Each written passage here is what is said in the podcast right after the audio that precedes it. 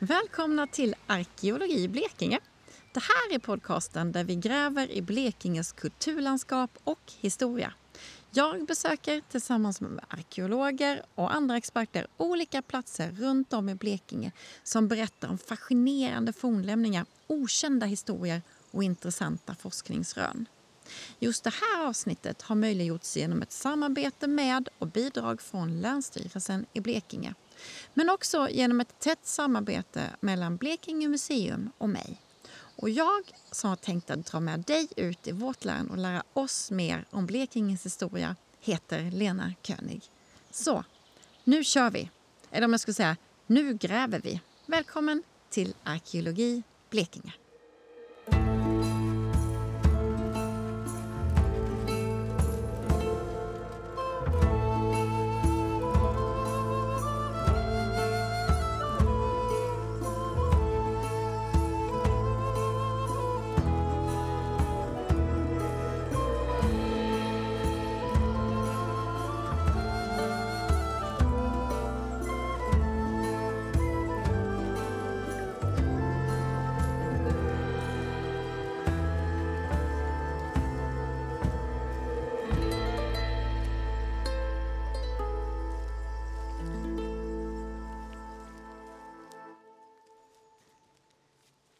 I det här avsnittet tar vi oss tillbaka till början av 1700-talet. Men trots att det gått mer än 300 år är ämnet aktuellare än någonsin. Vi kommer att besöka Pestbacken i Holje i Olofström. En gravplats från pesten 1710 till 11 som idag delvis ligger under en parkeringsplats. Men jag drar även till Skåne och träffar Caroline Arsini som är osteolog vid arkeologerna i Lund Caroline är expert på skelett och är den som studerat och jobbat med kvarlevorna från gravplatsen i Holje. Men hon har även studerat pesten i andra delar av Sverige. Men på min väg mot Lund besöker jag först Pestbacken och får mig ett snack med Mikael Henriksson från Blekinge museum.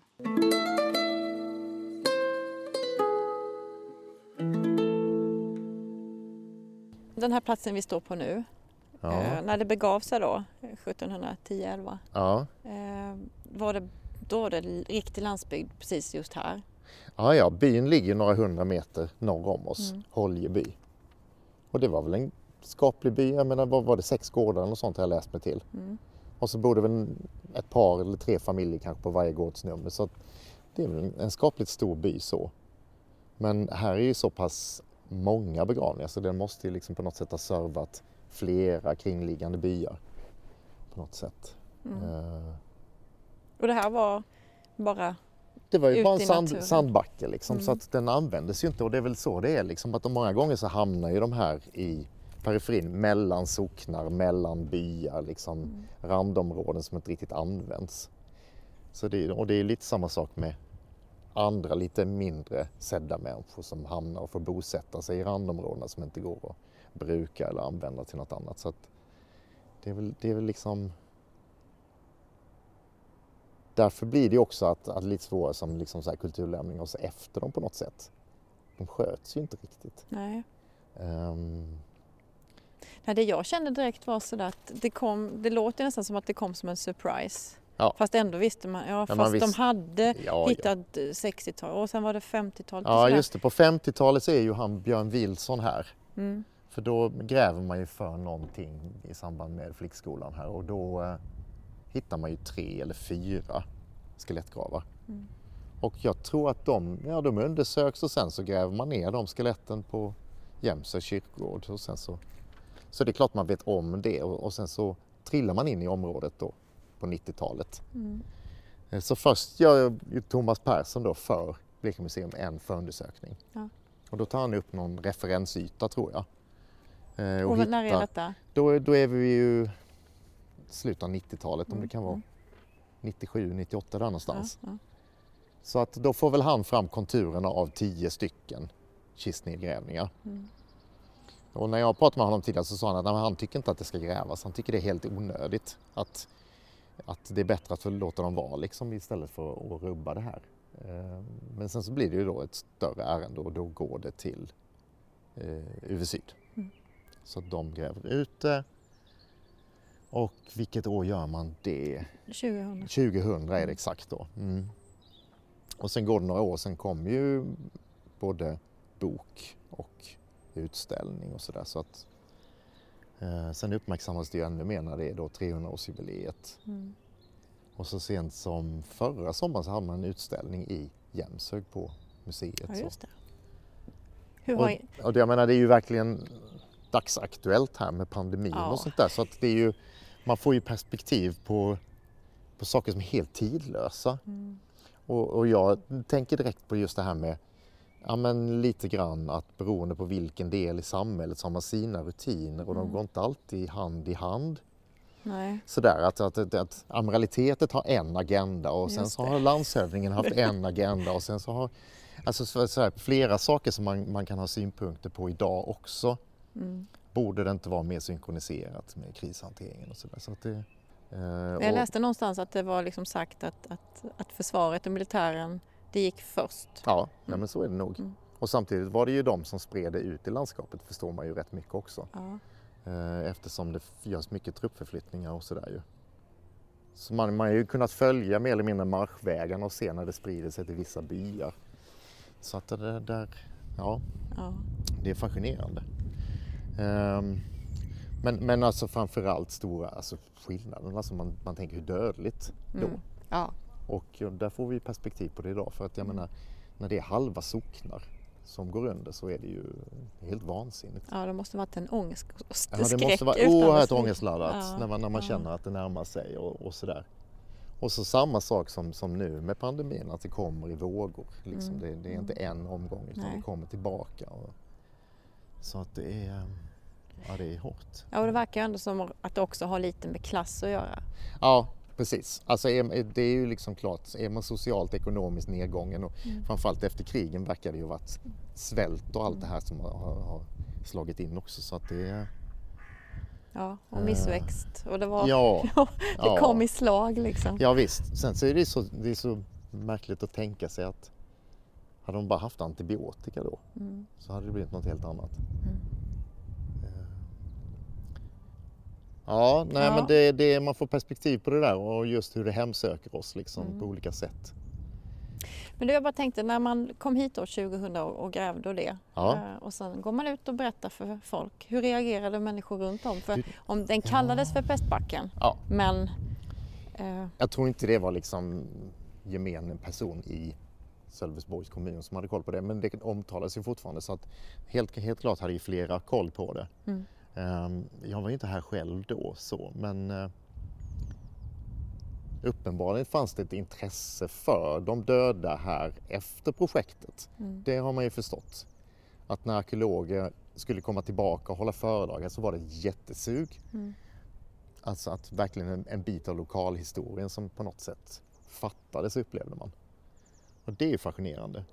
Nu brann ju kyrkoarkivet tidigt 1800-tal mm, för Jämshögs församling så att eh, det finns ju inte liksom en, en dödbok som exakt visar just för Jämshögs socken. nej. Men alltså här är det ju verkligen, det är ju namn på personer man annars hade vetat. Man, man hade ju nästan kunnat identifiera dem så att det är, eh, det är ju inte längre bort än så. Eh, Och då kan man ju tycka att vi borde sköta lämningarna bättre. Så.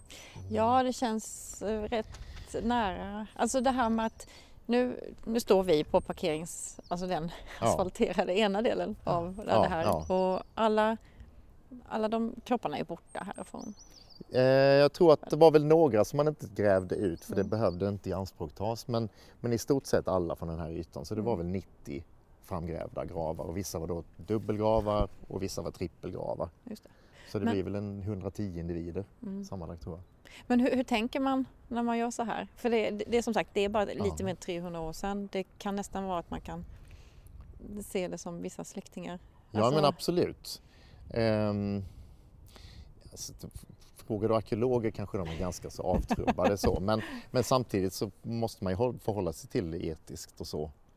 Ehm, För och- hade, hade det varit låt säga på 1800-talet så hade det känts väldigt nära. Ja, jo men visst, absolut. Sen är det ju klart att är du inne på en, en, en random kyrkogård så jag menar, har man gett upp gravarna, ja då, då gräver man om gravarna och Mm. återbegraver inom kyrkogården. Så just. det är klart det är inte det är inte så märkvärdigt egentligen.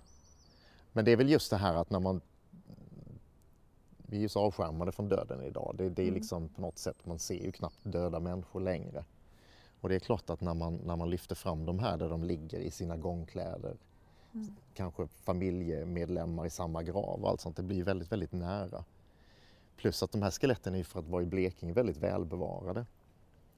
Det är ju ändå så att man kan se frisyrer på vissa Mm. fortfarande. Och, jag menar naglar och sånt där. Så det, det blir, just när det är organiskt material och, och nästan vävnader så, så, så blir det ju något, något annat än om det är kremerade ben i en bronsåldersgrav.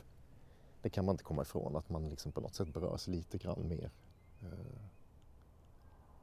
Så det är klart hur man hanterar det sen, att en individ hamnar i en pappask bland många andra pappaskar i ett magasin. Mm. Det, det kan ju kännas rätt ovärdigt men, men samtidigt så det är det här med samhällsutveckling och man behöver i anspråk ta platser. Så att,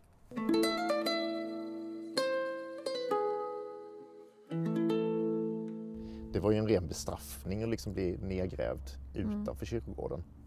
Men det är klart, om det här då blev vigd jord så blev det ju något slags ja, surrogat Ja, för det. De, den bilden, det finns ju en liten, en liten eh, skylt här på parkeringen faktiskt som Ja. man kan se om man kommer hit. Och då, det ser ändå ut som det har varit ganska stor ordning och reda när de Ja, har... men verkligen så att, att det har varit stor omsorg ändå att man har lagt dem i rader och att det är i nästan samtliga fall är det ju kistor de har legat Mm. i. Mm. Så det är inte den här man känner panik och massgrav där de ligger i flera lager och inte går att identifiera. Så att även om det har varit hastigt så har man ändå sett till att det har skett efter vissa mönster och eh, ordning och reda. Mm. Ehm, Men nu är det ju ett visst antal. Det schaktades här. Ja, Och så. Eh, Hur många tror man? Det finns ju en, en trädgård innanför här och tittar man på, på den här bilden så ser det ändå ut som att det, att det faktiskt är fu- Ja. fullt med begravda människor här inne i ja, det trädgården. går ju inte att bortse från att, att det, det lär ju finnas ett par hundra gravar till. Mm. Om man, om man ser den spridningsbilden som framträder och man ser liksom hur det blir bara tätare mot sydväst så är det, är det ju klart. Så att, där är ju en liksom baksidan av det hela. Här är ju någon som, som bor mitt i den här begravningsplatsen idag. Mm. Så det, är, det är ju klart, det är olyckligt. Hade, hade det varit så att man hade velat bygga ett nytt hus här och det inte hade varit något hus så hade man ju förhoppningsvis inte fått bygglov till det just utan blivit anvisad en annan tomt. Eh, Så att det, är- det är ju olyckligt får man säga. Ehm, Sen är det klart att kommer man inte ner till de djupen så, så är det ju mer en fråga om man själv är bekväm med att bo på en sån plats Mm. uppe på en kyrkogård. Ja, det kan kännas lite... Ja. eh, Fast ja. Men du, om man kommer hit nu. eh, Ja. Man har kommit hit och man står här på parkeringen vid den här skylten. Hur, hur tycker du att man ska...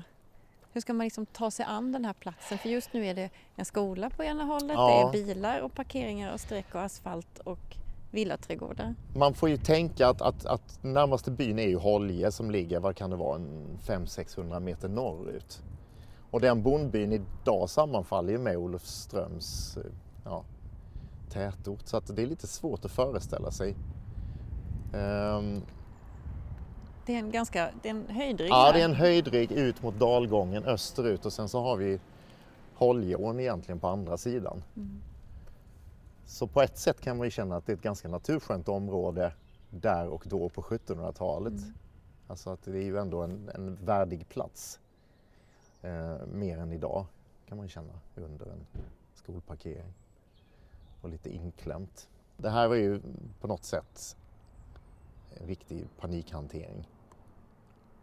Alla de ritualer och traditioner som följde med att någon dog och man, man liksom kunde, kunde sköta sina göromål kopplat till det föll ju bort på något sätt. Att, att man inte kunde liksom bara ta sorgeprocessen. Och det är väl också någonting som, som vi har sett nu under pandemin. Mm. Alltså Ja, att man får, inte, man får inte vara närvarande på samma sätt. Och, eh, begravningarna blir inte alls som, som man kanske en, en gång har tänkt att de borde bli.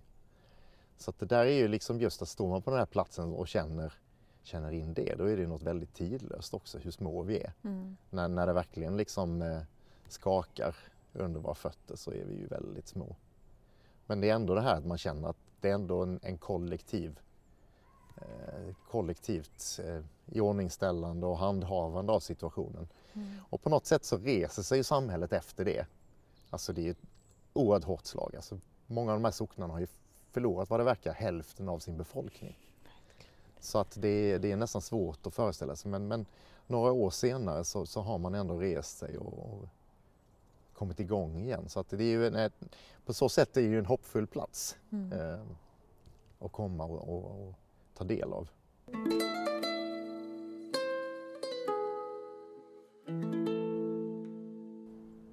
Ja, nej men det, så det, det, är ju, det är en fascinerande plats och, och det är mycket att, att fundera kring. Liksom sådär. Det är ju en, en... Och otroligt aktuellt. Ja, ja det, det kommer man inte ifrån. Ju... Man får ju perspektiv på hur bra man har det idag. Ja, definitivt. Och ja, det finns ju på museet eh, finns det ju en bra skrift. Ja just det, som var från utställningen 2010 mm. där någonstans tror jag det var. Mm. Och där står ju mycket. Den är jätteintressant att läsa ja. om det är någon som känner. Mm. Nu gick det igång en, eh, en fläkt ifrån skolan. Moderna samhället sig påmint. ja. Ja, ja. Nej, men du, jag ska bege mig till Lund. Ja, trevligt. Tänkte jag ja. och faktiskt få se ett mm. skelett och prata lite mer om vilka det var som låg här och vad man hittade under den här grävningen. Mm. Så jag säger tack till dig. Tack själv. Tack.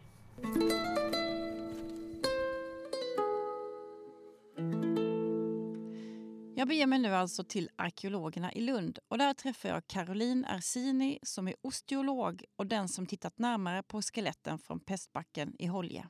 Vad är pesten eller vad var pesten? Eh, pesten både är och var, för den finns ju fortfarande kvar. Eh, det är en sjukdom som smittas via en bakterie. Och eh, bakterien har man identifierat då i slutet på 1800-talet, 1894 tror jag det var. Eh, som av, det var en fransk-schweizisk eh, forskare som hette Yersin och därav så heter bakterien Yersinia pestis. Eh, och innan det så visste man ju inte riktigt hur den smittade. Man visste att det smittade eller att det, man kunde få det sinsemellan och, och, så vidare. Men det är först då man är säker på hur, det, hur, den, hur den rör sig. Liksom. Eh, och det man känner till, det som är liksom allmänt känt som de, de som liksom har arbetat med det, det är ju att det kommer ju en pandemi Eh, den justianska pesten på 500-talet efter Kristus. Eh, och den är i Egypten och Medelhavet och tar sig även upp till norra Tyskland tror man. Och sen är det en paus på 600 år ungefär, drygt.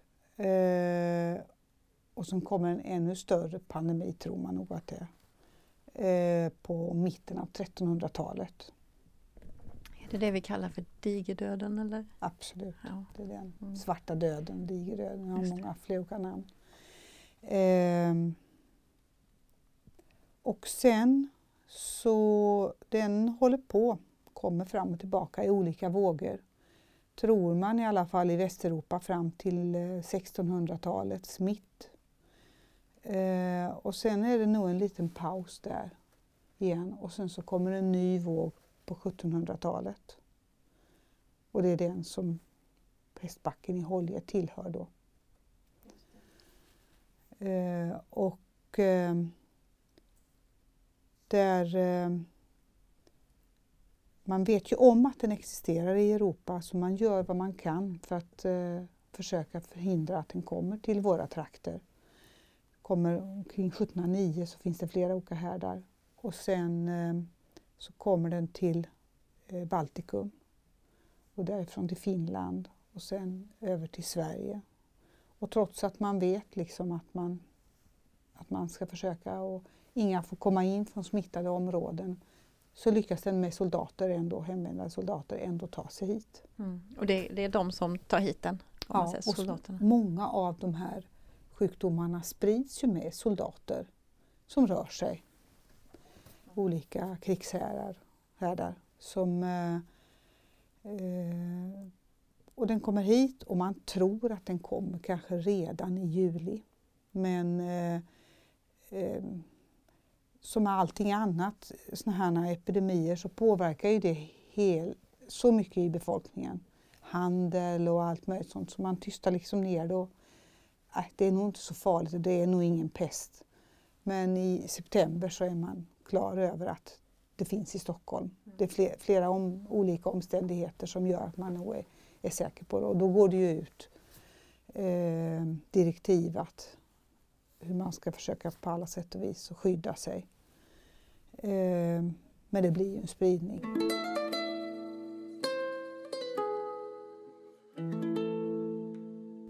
Det är naturligtvis ännu svårare när man inte heller vet hur man blir Alltså vad är det som smittar? Eh, och sen är det det här med traditioner som vi människor är väldigt starkt anknutna till. att Till exempel med bröllop och begravningar och dop och så vidare. Och man samlas många. Och då i dem, för den sprids ju via loppan från råttor. Och råttor finns det ju överallt i alla tider. Eh, och eh, de är ju i närheten av människan. Och ehm, så blir det ett, ett bett och så är det någon som får ehm, böldpest. Sen kan den gå vidare och sätta sig i, i lungan också. Eh, men lungpesten är, den sprider sig inte eh, lika snabbt därför att den, den smittar framförallt med de här upphostningarna som kommer i, i liksom slutskedet på andra eller tredje dagen. Och då är personerna ofta ganska medtagna men de sprider ju det inom familjen. Mm, mm. Och de som kommer dit naturligtvis blir kan ju bli smittade. Eh, och sen så kan, och man kan säga så här att böldpesten, där, där är i alla fall minst 50 procent som, som nog dör. Eh, medan eh, lungpesten, där dör alla. Och sen har vi då att det kan bli så att det sprider sig så det blir en blodförgiftning och de, de klarar inte heller sig. Men, men, hur såg människorna på den här tiden? Vad trodde man att, att pesten var? Man trodde att det var liksom förruttnade ånger och att eh, man kallar det här miasma. Att det var liksom en sorts gift som fanns i luften och som man kunde bli drabbad utav. Mm. Men man hade ju liksom ingen riktig koll på det hela. Vad, vad det egentligen var för någonting, det visste man ju inte. Det är ju inte förrän slutet av 1800-talet som man har klart för sig att det är en bakterie helt enkelt. Mm. Det var ju inte känt överhuvudtaget, bakterier på den tiden.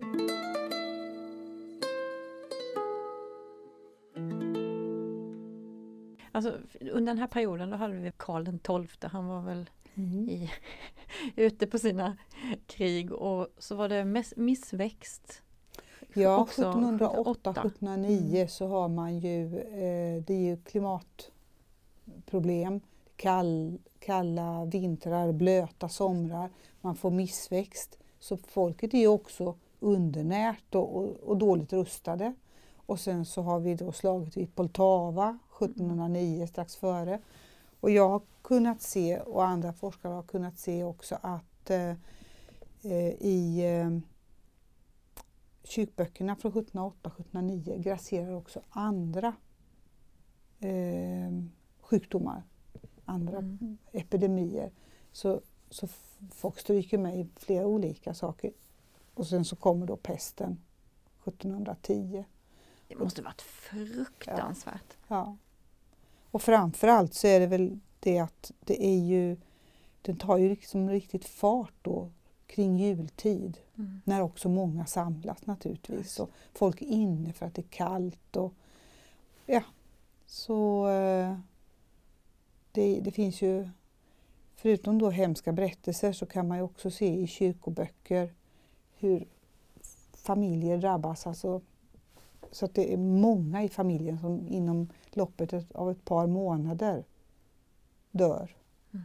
Och det måste ju, alltså om man tänker sig in i situationen själv så tänker man ju att ja, Nu har ju två av mina nära och kära eh, dött. Nu kan det ju ändå inte liksom bli fler men Nej. det finns faktiskt eh, just uppgifter från kyrkoböcker där det är flera personer i samma familj under ett antal månader, tre, fyra månader. Och de, de måste ju ha känt att nu är det väl ändå, nu är vi, ändå vi drabbade så illa så nu kan det inte bli värre men tyvärr. Så det var ju familjer som förlorade kanske alla anhöriga, Mm. alla nära anhöriga. Barnen som var precis på väg att växa upp och de som skulle ta över gården som liksom försvann så att helt plötsligt så blev de gamla kvar. De Mm. som kanske satt på undantag eller precis skulle lämna över gården till den yngre generationen. Eh, och det kan man ju tänka sig att det måste ju ha varit oerhört svårt. Kanske det var till och med så att den äldre generationen var kvar och så riktigt små barn var kvar. Så att det var ju en svår situation också för vem skulle ta hand om? Var de Mm. liksom så pass eh, så att de kunde både sköta gården och ta hand om småbarn. Ja, det, jag tror det är otroligt svårt att sätta sig in i den här situationen, hur det, hur det Ja. har varit.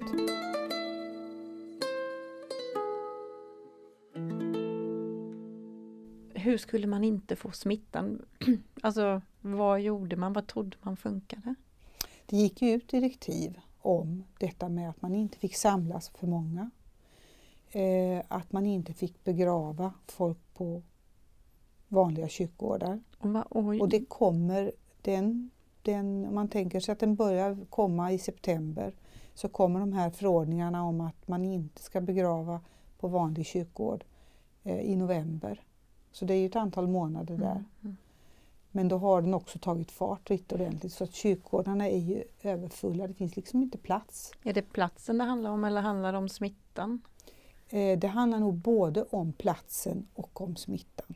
Mm. Men framförallt så handlar det nog om att man ville inte folk skulle vara i närheten av varandra och i kyrkan och så vidare utan personer skulle begravas i en backe, eller, alltså ett område där man inte brukade jorden. Eh, och det skulle bara vara den som till exempel dödgrävaren och kanske möjligtvis en präst om det Mm. fanns någon, om inte han också hade liksom dött. Men man skulle inte samlas många. Eh, och inte i närheten av kyrkan heller ju. Eh, och sen så skulle man... Eh, men, men, men kyrkogårdarna var, de var ju fulla. Mm. Speciellt om man hade sina familjegravar. Om det hade dött många så fanns det liksom inte plats. Eh, och då... Eh, den här eh, linjesystemet har inte riktigt kommit, det är inte i bruk då utan man, man lägger nog folk i närheten av, av släkten. Mm. Mm. Sen på slutet på 1700-talet så är ju kyrkogårdarna inne i städerna så överfulla så att man börjar flytta ut folk i, på kyrkogårdar utanför städerna. Men också man har ett system där man lägger dem som de dör efterhand Ja, ja. på en Ja, linje. det. Mm. Och då har man kanske lite mer plats om, om det nu finns. Men det beror ju på hur många. Det har ju varit otroligt olika hur bygder har drabbats. Och in i städerna, storstäderna, har det naturligtvis varit extra många kyrkogårdar som har varit överfulla. Mm. Eh, men eh, folk kan ju liksom inte, i vanliga fall så när man begraver någon i en familjegrav så har ju den hunnit förmultna som ligger där sedan tidigare kanske. Men i det här sammanhanget kanske det är fyra, fem, sex, sju, åtta stycken som dör i samma familj. Så, ja, det finns ju ingen plats helt enkelt. Så när den här prästkyrkogården i Holje tillkommer så eh, är det ju ett, ett, ett utrymme där man har, så man kan ju verkligen se att de, de har utrymme mellan varje grav. Mm. De lägger dem inte på varandra. Såvida det inte vi, vi har ju det är 90 gravar tror jag. Och eh, det är 115 gravlagda. Eh, och majoriteten av dem är ju ensamgravar. Mm. Men sen har vi då ett eh, 14-15-tal gravar som är dubbelgravar. Och de, där är ju säkert personer som har dött samtidigt. De kan ju vara i samma familj men de kan ju också vara eh, bara att de har dött samtidigt, ska begravas samtidigt. Och så har vi tror jag fyra trippelgravar där det är tre personer. Men de ligger i enskilda kistor. Så att eh, omsorgen om dem har ju liksom funnits eh, på samma sätt som om de begravs på en kyrkogård. Mm. Jag läste någonstans att, att det var ändå så att man skulle inte eh, göra som man brukar, att, att det fanns ett direktiv att, att, eh, att, att det var inte så omsorgsfullt utan man skulle snabbt få ner dem i marken. Men att det inte stämde överens riktigt med Holje. Att de alltså, verkar vara väldigt... Jag tror nog att på landsbygden där man har haft plats och utrymme så även om inte anhöriga fick vara med så är de ju begravda i kistor. Eh, och det här att man lägger dem i massgravar eh, väldigt kloss på varandra och sånt. Det gäller säkerligen för Stockholm mm. och sådana platser där det är väldigt, där det kanske också dör folk där det inte finns några anhöriga. Det är ingen som vet någonting om Nej. dem. Men här i Holje då så är det ju ändå så att någon anhörig eller bekant har ordnat med en kista. Sen kan vi se att de är begravda i sina kläder, i gångkläder. För man fick ju inte utöva det som man brukar göra, det vill säga tvätta liket och kläder på ett speciellt sätt. Utan de är nog klädda i, i sina vanliga kläder och antingen har de dött så eller också så har de tagit på dem det som fanns i närheten. Mm. Och de har ju smycken på sig.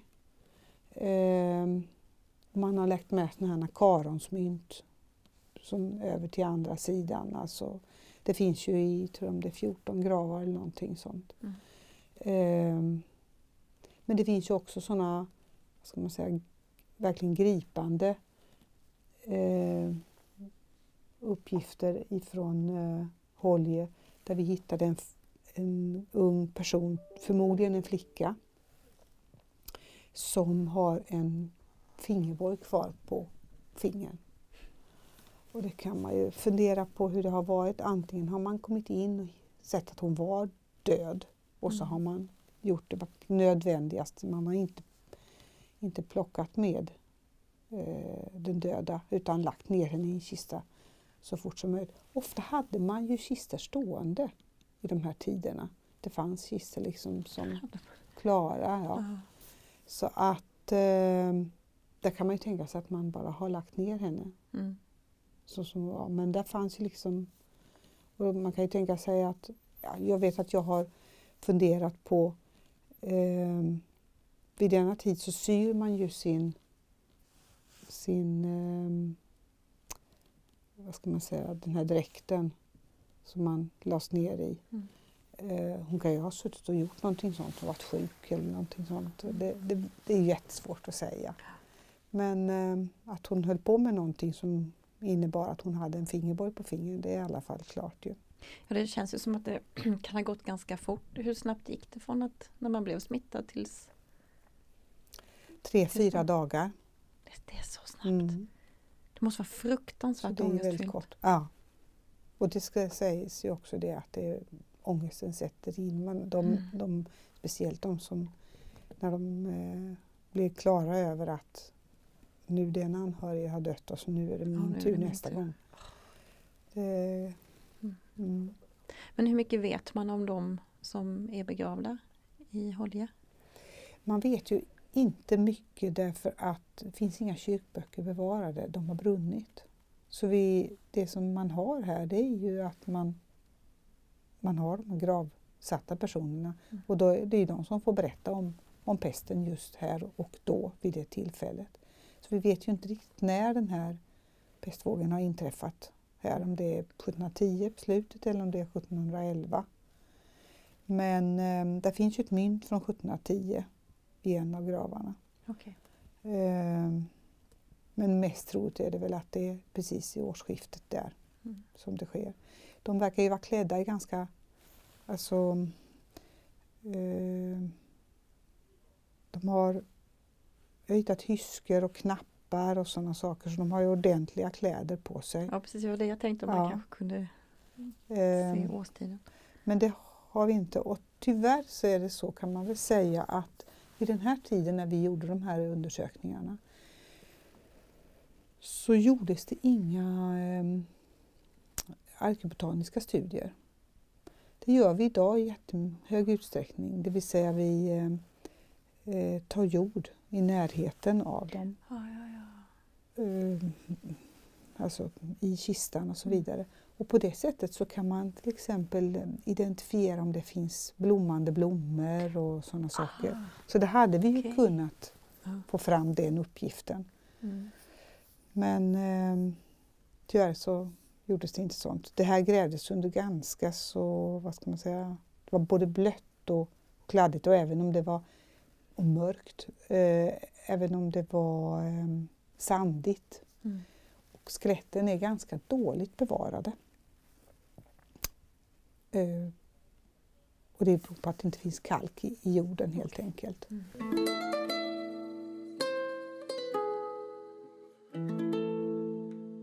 Du, du var med vid, vid grävningarna va? Jag var ute och, och tittade på men jag Mm. har inte varit med och grävt direkt. Nej. Men Nej. jag var ute där. Mm. Vad, ehm, ja, du är osteolog så det är benen du är expert på. Ja, säga. ja precis. Vad, när du kommer ut så, vad, vad, vad såg du när du var där? Ja, jag såg att eh, jag såg ju kister och jag såg eh, alltså kisterna i bemärkelsen en brun rand kring Mm. den skelettet. För det var det som var bevarat. Eh, och eh, ganska förmultnade skelettdelar faktiskt. Och vi hade väl lite funderingar på hur vi skulle kunna ta, ta upp det och så vidare. Men jag tycker ändå att vi fick upp det ganska väl under de omständigheter som var. Plus då att eh, det har kommit fram ganska mycket information som inte har med själva pesten att göra men som kan berätta om människorna som sådant. Och det är också en, det är också en berättelse kring hur det var vid den tiden. Mm. Och en av de intressantare sakerna är ju eftersom vi då har ett, alltså liksom ett år, 1710, 1711 förmodligen. Mm. Det är ju att vi har eh, på flera av eh, individerna kan vi spåra störningar i emaljen. Okej. Och det bekräftar ju då, eftersom jag kan säga att de var ungefär si och så gamla Mm. och så vet jag när de har fått sina störningar i emaljen. Alltså, jag visar dig i min bok här.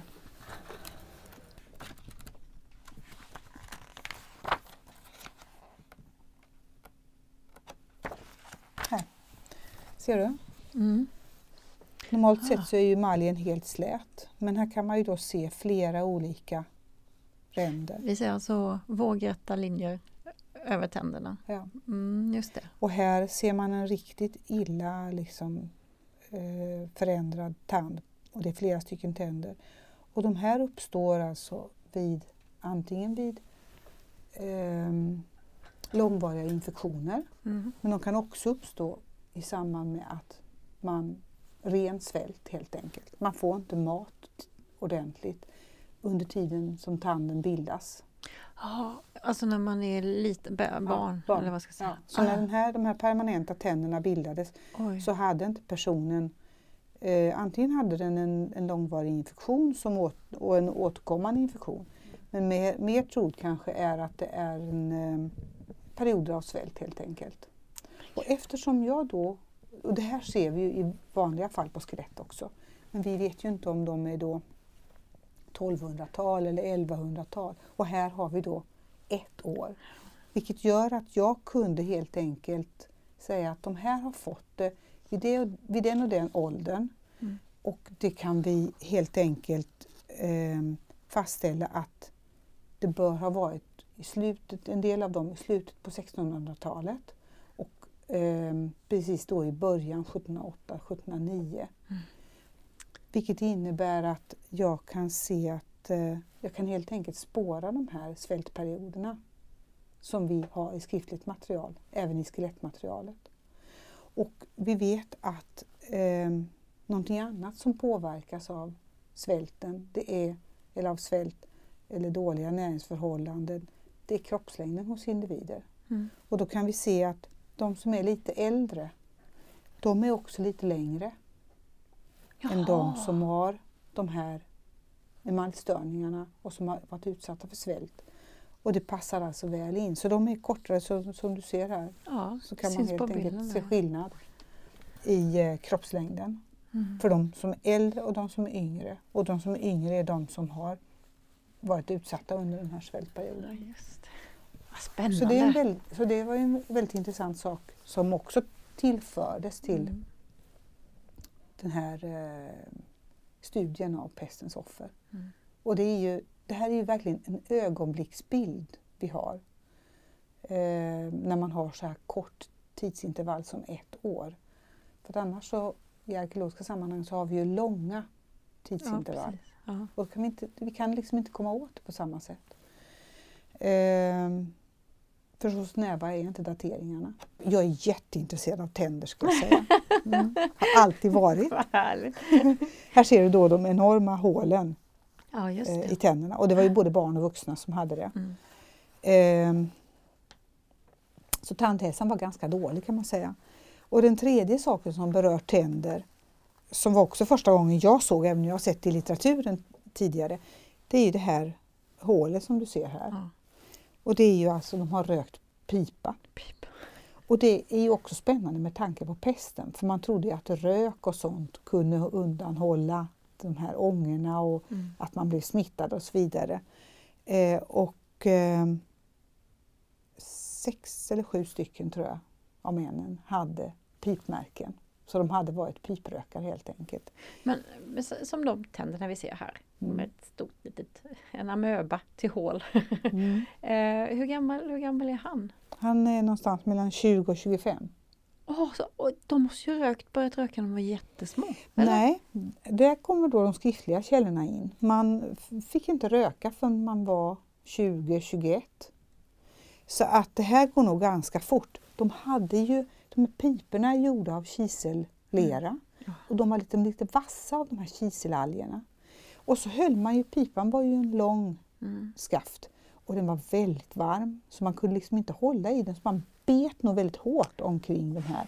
Och då slipas emaljen som annars är ett otroligt kroppens hårdaste material. Mm. Den slipades ner så det kunde nog gå på bara några år, speciellt om man höll den här pipan i munnen från morgon till kväll. Ja. Mm. Och sen piporna var ju då en, em, en vara som, som höll ganska kort tid, de gick sönder lätt. Så fick man ta en ny pipa och den var ju ännu vassare. Mm. Så när man liksom har slipat ner den första pipan så dit med en ny pipa. Och det finns ju uppgifter och skriftliga uppgifter om att vissa hade ju pipan, i, till exempel vid, vid hamnar och så vidare, de hade pipan i munnen konstant. Den bara fylldes på och fylldes på. Så att det, det går nog ganska fort. Så att det var ju fascinerande och den mannen vi ska se som jag har då Mm. har också sådana pipmärken. Mm. Om en liten stund ska vi kika Om en liten på stund. det. Mm.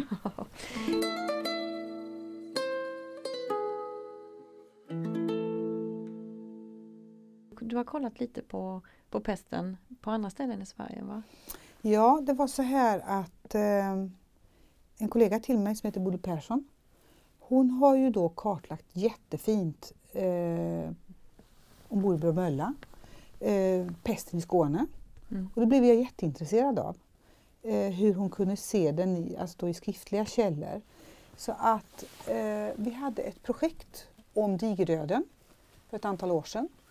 Och det skulle ju handla om dig, alltså pesten 1350. Men det är ju det här med att eh, vi skulle se om, om, om det var förändringar för de som hade eh, levt före respektive efter 1350 i hälsan. Mm. Eh, men det här med skriftliga uppgifter är ju väldigt spännande för att man får ju fram, kan komplettera de arkeologiska materialen. Så då tittade jag på pesten på flera olika ställen men bland annat så valde jag Östergötland därför att det fanns eh, mycket kyrkböcker som inte hade försvunnit, alltså som fanns kvar. Och det som, så hade jag hjälp av en, en eh, kollega så, som då jobbade på Arkiv Digital och som eh, kunde hjälpa mig att läsa de här kyrkoböckerna. Och dels var jag intresserad av att se vilka åldrar som de drabbades. Mm. Men också hur pesten tog sig fram i ett landskap. Och då tycker jag att det är intressant att se här hur den, de här, där ser vi då det första augusti, då finns det ju ingenting. Mm. Och sen så kommer det första fallet i september. Eh, det är från, kommer till Sankt Annas skärgård med en kvinna från Stockholm som ska sälja fisk. Mm. Och så, så börjar det att röra på sig. Och då kan man se hur den, den sprider sig. Detta säger någonting om rörelsemönstret både inom mm. ett landskap men också hur de kommer utifrån med ny smitta helt enkelt. Så de röda markeringarna här, det är de socknar som då drabbades i oktober. Och sen så har jag då valt att grönmarkera de som har varit drabbade. Så vi kan se liksom hur den förflyttar sig mellan olika platser och hur det sen blir färre och färre. Eh, man har ju hela tiden pratat om att sommarmånaderna var de värsta. Mm. Men faktum är att kring jultid så verkar det ha varit riktigt, riktigt illa. Så det är absolut inte bara sommaren som, som eh, den tiden när pesten sprids utan lika mycket vintertid. Mm. Eh, och det intressanta är ju då också att du ser att det finns vissa områden som är eh, vita. Ja. Eh, och de har jag ingen uppgift om. Men de ljusgröna här mm. områdena, det är de där inte pesten kom. Så det var inte alla, alla det områden. Var till och med områden som inte, ja, som inte smittades. Mm. Och vet man vad de gjorde? Ja, en del, de en del av de här områdena, mm. där har jag kunnat se att de drabbades av de här epidemierna av andra sjukdomar 1708-1709. Mm. Så det var många som dog. Det kanske, inte, det kanske var väldigt eh, tåliga personer som, som var Aha. kvar helt enkelt. Okay. Eh, ja, mm. som gjorde att det undanhölls helt enkelt. Och den här kartan då med röda, där kan man se alltså att det var eh, de mörkröda, där är det helt enkelt kris i befolkningen. Mm. Där dör det alltså 15 gånger fler än normalt. Och vissa områden eh, kunde vara upp till 80 procent av, mm. av befolkningen i vissa församlingar som strök med. Vilken ångest det här måste varit ja. den vintern alltså. Ja.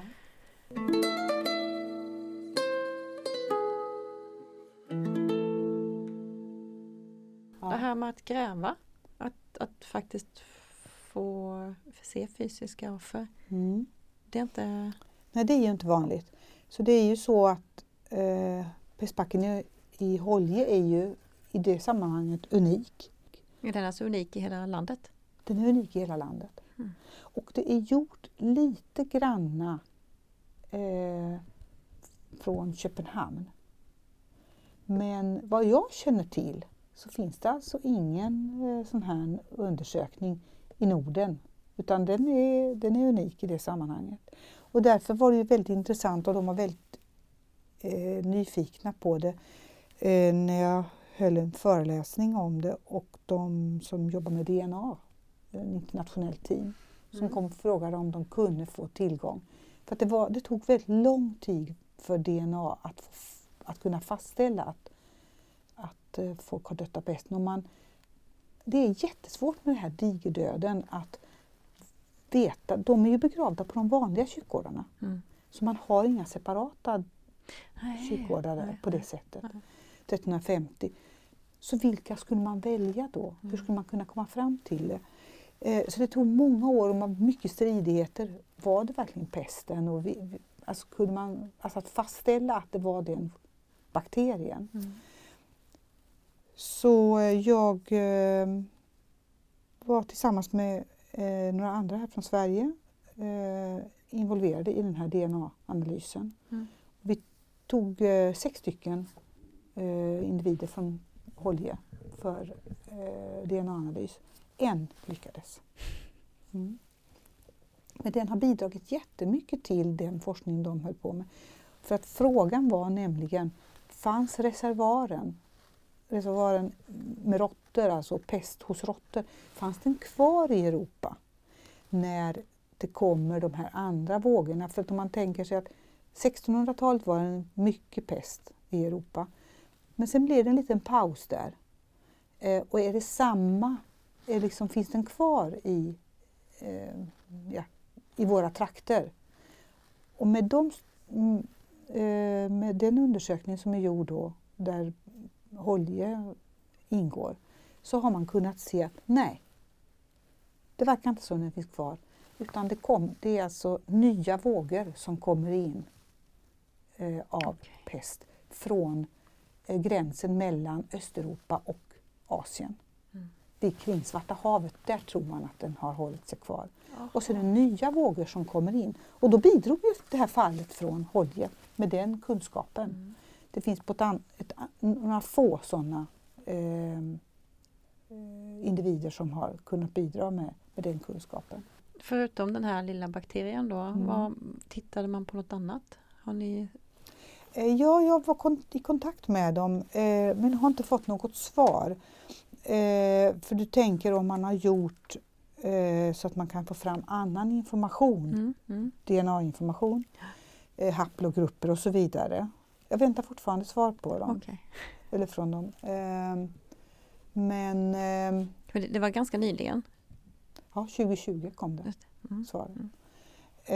Eh, och jag vet ju att när jag och Bengt Jakobsson var uppe i eh, Olofström och föreläste mm. så var det ett stort intresse. Och då vet jag att folk frågade om vi skulle ta DNA mm. på det. Det var ju väldigt nytt då, eh, för 20 år sedan. Eller 15 blev det, för det var 2005 tror jag. Eh, Därför att kyrkoböckerna har brunnit och de vet ju inte om det är några av deras släktingar som har. Men jag, jag håller på att luska i den biten eh, och se om vi kan få fram någon mer information. Mm. Eh, jag vet inte i, i nuläget. Nej. Nej. Vi får återkomma kring ja, det. Ja. om man hade velat, hade det gått att ta DNA på alla de här skeletten som ligger i Lund nu och få svar på något? Eh, man kan säga så här att jag vet ju inte om, alltså jag, jag vet faktiskt inte om, eh, för det framgår inte av artikeln. Jag ställde aldrig den frågan då. Men jag vet ju inte om de har fått fram DNA på de här sex individerna. Nej. Och pestbakterier på en. Mm. Eller om de bara har fått fram DNA på en av sex. Mm. Och det är den frågan jag har ställt till dem. Mm. Så att, för det kan hända att de har fått fram DNA men de kan inte påvisa pestbakterien hos mer än en individ. Men eh, de är ganska dåligt bevarade. Mm. Så att eh, de är inte optimala för DNA-analys tyvärr. Nej. Det är de inte. Eh, man kan säga så här att eh, de är inte optimala i alla fall för DNA-analys när det gäller att leta efter just pestbakterien därför att man behöver tänder. Men då finns det en, en annan del av, av eh, skelettet där de här små tre öronbenen sitter, hammaren, städet och stigbygeln, som heter pars petrosa. Och den kan man ju få ut DNA, den brukar vara bra bevarad, den kan man få ut DNA av. Men inte eh, bakterie-DNA. Okay. Man kan få ut annan sjukdoms-DNA, man kan få ut annat DNA. Den skulle kanske kunna. Mm. Men sen vet ju inte jag hur eh, stora är chanserna att man skulle kunna koppla det bakåt i tiden mm. så långt som till 1700-talet. Det är ändå en period av 300 år. Men det är en spännande tanke. Det är en jättespännande alltså tanke. När jag tittar på den bilden du har, det är så mycket människor, det är så mycket mm. sorg och så mycket olika och de bor där mm. och har väl antagligen gjort det Mm. Rätt många generationer. Den, den saken som man nästan aldrig nämner i de här sammanhangen det är ju människors enorma kraft. Eh, och det är värt att nämna. Man tänker så mycket elände som de har varit med om. Först då svältperioder och sen eh, den här andra epidemierna som kan ha grasserat och sen pesten ovanpå. Och man tänker, hur orkar folk resa sig i de här sammanhangen? Och det är en intressant sak med de skriftliga källorna som både Bodil och jag har sett. Och det är det att det man hinner ju inte mer än pesten hinner inte mer än liksom försvinna så börjar folk att bilda familjer. Ja, just det. gör jag. Så att vi har kunnat se en ökning av alltså barnafödande och giftermål. Så att hoppet finns ju verkligen kvar. Och det som kan vara intressant också i det här sammanhanget det är ju det att man kanske hade fem, sex, sju barn. Eh, det var bara en som kunde överta gården för den räckte kanske inte mer. Oftast. Så de andra fick ge sig ut som drängar och pigor.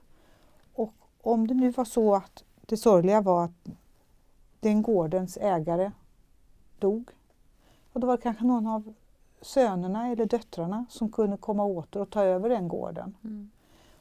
Och orsaken också till att den, den här sjukdomen spred sig, det var ju det att det fanns ju ändå hopp bland människor. Så man fortsatte att gifta sig och, och det blev barn och det, man hade dop och så vidare. Men man har verkligen kunnat se att befolkningen den, den hämtar sig ganska så snabbt. Mm. Otroligt nog. Så vi är väldigt sega och starka och hoppet existerar fastän man liksom drabbas av någonting sånt. Så ser man att man ser en ljusning. Ehm, och den minsta lilla ljusningen så, så ställer man till med fest och, och så vidare. Tyvärr ställer man ju till med fest ibland alldeles för Lite tidigt. tidigt ja. Ja. Eh, Innan vi kollar på han med kalufsen Mm. så bara tänkte jag, eh, finns det någonting du kan säga om de individerna som, som inte ligger kvar där nu? Det var några flickor som hade halsband och så. Vad, vad, Ja, de är ju alltså då begravda med i sina kläder och sen så har vi hittat halsband hos ett antal. Ehm, ska se här, vi hade där hittat alltså, man har hittat pärlor, man har hittat knivar och saxar. Eh, och sen eh, en eh, intressant sak, eh, man hittar hos tre individer några märkliga som vi inte visste vad det var först så här långa metallföremål. Eh. Mm. eh, den ena såg ut som en liten, liten sked och den andra var som en liten krok. Mm. Men då hittade Bengt Jakobsson i en skriftlig källa av Linné på hans skånska resa att eh, de hade hängande i en, eh, ett lädersnöre eller en metallkedja en öronvaxbetare som den tidens tops. Åh gud vad fräckt, det var Ja. härligt! Den fick de med sig. Ja. Trevlig resa. Och sen den andra kroken då som man tycker är hemsk egentligen för den är så gigantisk tycker jag i alla fall. Ehm, Men är detta liksom gravgåvor de har fått med sig som de det har här? nog haft dem på sig. Ja, det är så. Ja, Mm, Jag skulle mm. tro det. Eh, du ser vilken krok. Oj, hjälp! Det där Mm. ser ut som... Oj, Det är en tandpetare.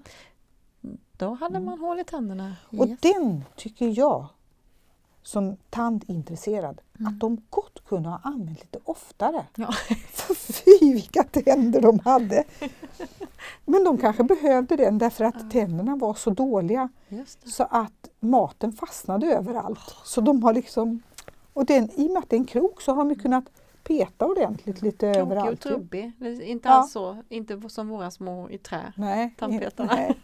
Vad svårt att komma in mellan tänderna tänker man ju. Samtidigt så, så ehm, har den ju på grund av att de har tappat en hel del tänder varit lätt att rensa mellan och så vidare. Men de kunde ha använt den så hade de inte fått så mycket hål i sina tänder. Och där ser du den här lilla, nu är de lite förstorade, men den här lilla öronsveven då ju. Mm. Vad mysigt. Så, var det bara, var det, hade kvinnor sådana också? Eller var det Ja, med? Nej, nej, Både det- män och kvinnor? ja. Eh, och den ligger där då, ligger de här. Och sen så hade de då som sagt var pärlor. Så de har ju haft smycken och det kan de ju mycket väl vara att de har, de har dött hastigt. Mm. Där ser du alla fina pärlorna. Ja. Och där är mynten då och de är lagda lite på lite olika ställen. ja, det här med mynt, det var för att man skulle ha... Karonsmynt kan man tänka sig att det har kunnat Resekassa. vara. Ja, en resa. Mm. Så att, eh, så att direkta liksom, och här är knappar då ju. Direkta gravgåvor i den bemärkelsen som man tänker sig, alltså att eh, man tänker sig förhistoriska sammanhang. Mm. Det är det ju inte, utan det är nog mer deras egna personliga ting helt enkelt. Och det kan ju, vi kan ju absolut aldrig svara på, dog den här personen med alla sina saker på sig? Eller har man lagt ett, ett halsband till dem? Vi vet ju inte ens om de har haft det över halsen. Även om de har haft det här, de kan ju bara ha lagt det på dem. Mm. Det beror ju på vem som har begravt dem, vem som har lagt dem i kista. Har de, har de lagts av anhöriga eller? Mm. Ska vi gå och kolla på Ja. han, gubben?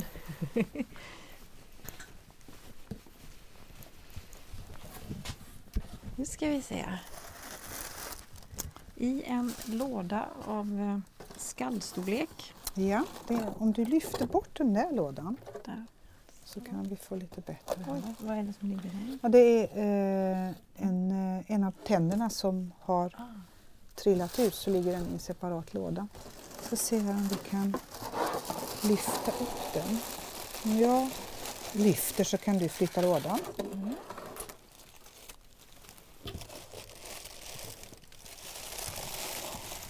Ser du.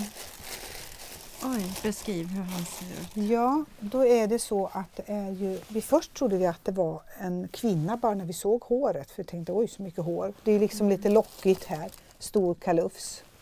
Men eh, det är en man.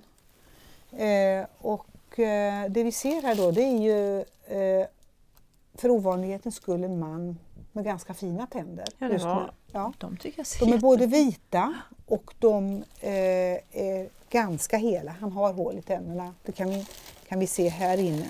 Kan man se där. Mm. Men, men ehm, han, ehm, och han har då, ska se om vi kan flytta den här så att den sitter lite bättre.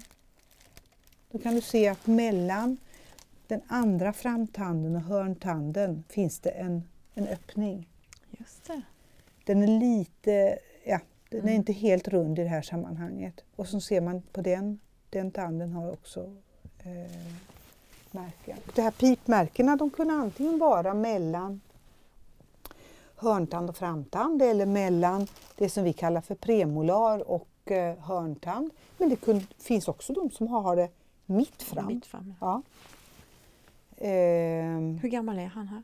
ja, han är någonstans mellan 20 och 25. Det är han. Mm.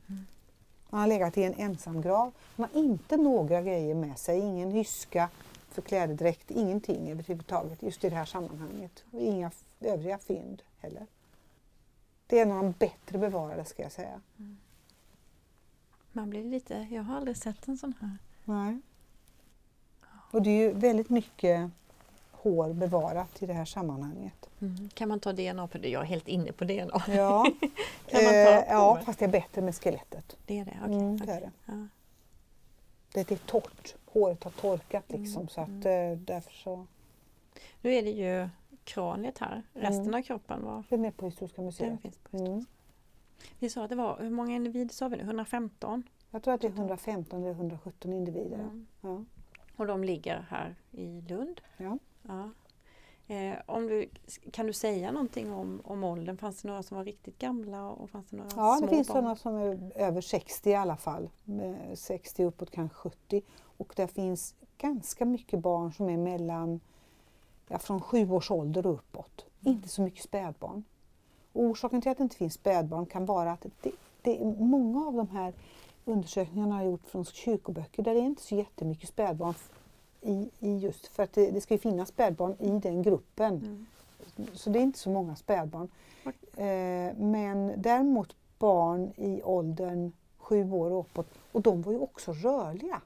Mm. Alltså de, man tänker sig att ett spädbarn var ju hos mamman, drabbades inte mamman så drabbades inte spädbarn. Nej. Men ett barn i sju åtta års åldern, de kanske redan var ute och, och eh, jobbade på gårdar, alltså Mm. åtminstone hämtade saker och så vidare. De var rörliga på ett annat sätt. Och de har nog, och speciellt tonåringar som jobbade kanske från det i alla fall, de Ja, var just 12-13 år. De, de har ju varit illa utsatta. Mm. Så det kan man se i kyrkoböckerna att den gruppen, unga vuxna, är de som har strykit med främst. Eller mest. Bara avslutningsvis här. Eh, nu är det så att människor kommer kanske åka dit och ställa sig på den här platsen. Hur, du har ju träffat alla de här individerna Mm. eh, som har legat där. Mm. Hur, hur tycker du att man att man bäst, eller vad är ditt tips? Liksom, hur ska man ta sig an platsen? Vad ska man tänka på eller vad, vad finns det liksom några ord på vägen när man står där? Och... Ja, det stora bekymret för dem som då till exempel undrar om någon av deras anhöriga dog i det, det är ju det att det inte finns några kyrkoböcker. Mm. Men, eh, så det är ju väldigt svårt. Men ur historisk synpunkt så är det ju intressant med pandemier och epidemier att åka till en sån plats och titta på att ja, så här blev resultatet för den gruppen. Man hade inte plats, man, hade inte, man, man gjorde vad man kunde för att minimera smitta och så vidare eh, genom de här förordningarna. Att man bad folk att inte träffas i stora grupper och så. Mm. Eh, Det är väldigt aktuellt, det är väldigt aktuellt. Ja, Ja. det är det. Eh, och då- säkerligen har de, de som, de som, de som liksom kände att det här verkligen var, vad ska man säga, eh, det här kunde jag nog själv bli drabbad av. Mm. De gav sig nog av så långt bort de kunde och träffade så få som möjligt. Mm. Ehm, det skulle jag tro att de har gjort. Men in i städer och så vidare, där har de ju inte kunnat. Nej. Sen har det ju säkerligen gått uppåt och neråt. Har man då i området hört till exempel att ehm, nu har vi inte haft några pestfall här på länge. Nu kan vi nog ha det här bröllopet. Så kommer någon långväga gäst i alla fall. Mm. Och så har de med sig kanske en, eh, en gåva. Det vill säga att eh, antal säckar med eh, sädeslag. Kanske på en häst och vagn. Och så har de kanske loppor med sig i det där. Mm. Eller eh, och råttor. Och så vips så har de åstadkommit någonting som inte alls var meningen. Nej. Men eh, det är ju en eh, speciell känsla att ställa sig där på den platsen naturligtvis. Att veta att här kan någon anhörig till mig ha, ha drabbats. Jag ska säga det också att även om det hade funnits kyrkoböcker så är det inte på något sätt en garanti att man kan avgöra om en släkting finns med. För att i vissa sammanhang så dog så många på så kort tid att prästen bara skrev 50 döda i pesten Mm. och det var allt. Så man, man fick inte reda på att eh, det är om man i husförhörslängder i så fall kan se att ens anhöriga inte har funnits med. Men, men, men det finns, och ibland så är det då, har man, kan man se att i början skriver man den och den personen drabbades av pest, så och så gammal, bodde där och där. Och sen så ser man, det blir bara fler och fler och fler och prästen liksom tappar helt greppet om det. Mm. Han skriver bara 17 döda i pest, 19 döda i pest. Mm. Så att, och sen så kanske det är så att pest, prästen själv drabbades av det. Och då kanske det var klockaren som gick in, han kände inte folk på samma sätt och bara rapporterade. Mm. Jag har sett siffran att, att det under den tiden bodde ungefär 30 000 människor i Blekinge. Kan det stämma? Oh, det vet inte jag någonting. Eh, och att det sen att man har räknat med att kring 15 000 dog Hälften. i Blekinge. Att vi var väldigt hårt drabbade på Ja, grund av militären. Då. Ja. Det är ju säkert Och i sådana omöjligt. fall är ju det, om man ska Hälften. tänka idag, det är hälften. Ja. Alla kände många stycken. Ja. Mm. Jag plockade ju fram då när vi skrev boken så plockade jag ju fram då från en dansk kyrkobok just det här med eh, där skriver de bland annat att det var en man som, två män eh, som jag tog upp som både hade förlorat hustru och barn i en tidigare epidemi och sen ytterligare då nästa gång nu när pesten kom så drabbades han igen. Om det var fyra barn och, och hustrun och i något sammanhang så då stod det att eh, kom i kistan med brodern. Det var en dotter som hade, de dog dagen efter varandra. Mm. Då har de lagt dem i samma kista. Ehm. Mm. Ja, Och, ja, ja, det, är det är sorgligt och Ja. hemskt. Men det här har funnits i alla tider, Mm. epidemier av olika slag. Och det är ändå det är häftigt att vi har den här platsen då. Att man då kan gå dit och Mm. Mm eh, titta hur det ser ut och veta. Mm. Tack, säger jag. Jag tror vi avrundar nu va? Mm.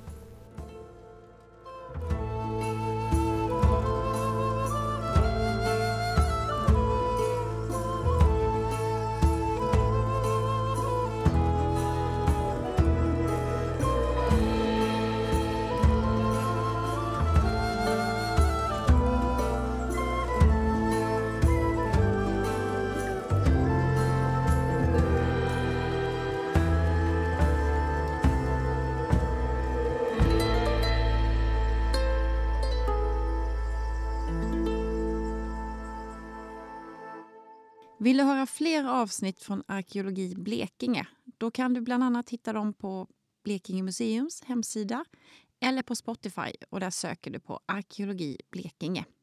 Tack för att du har lyssnat.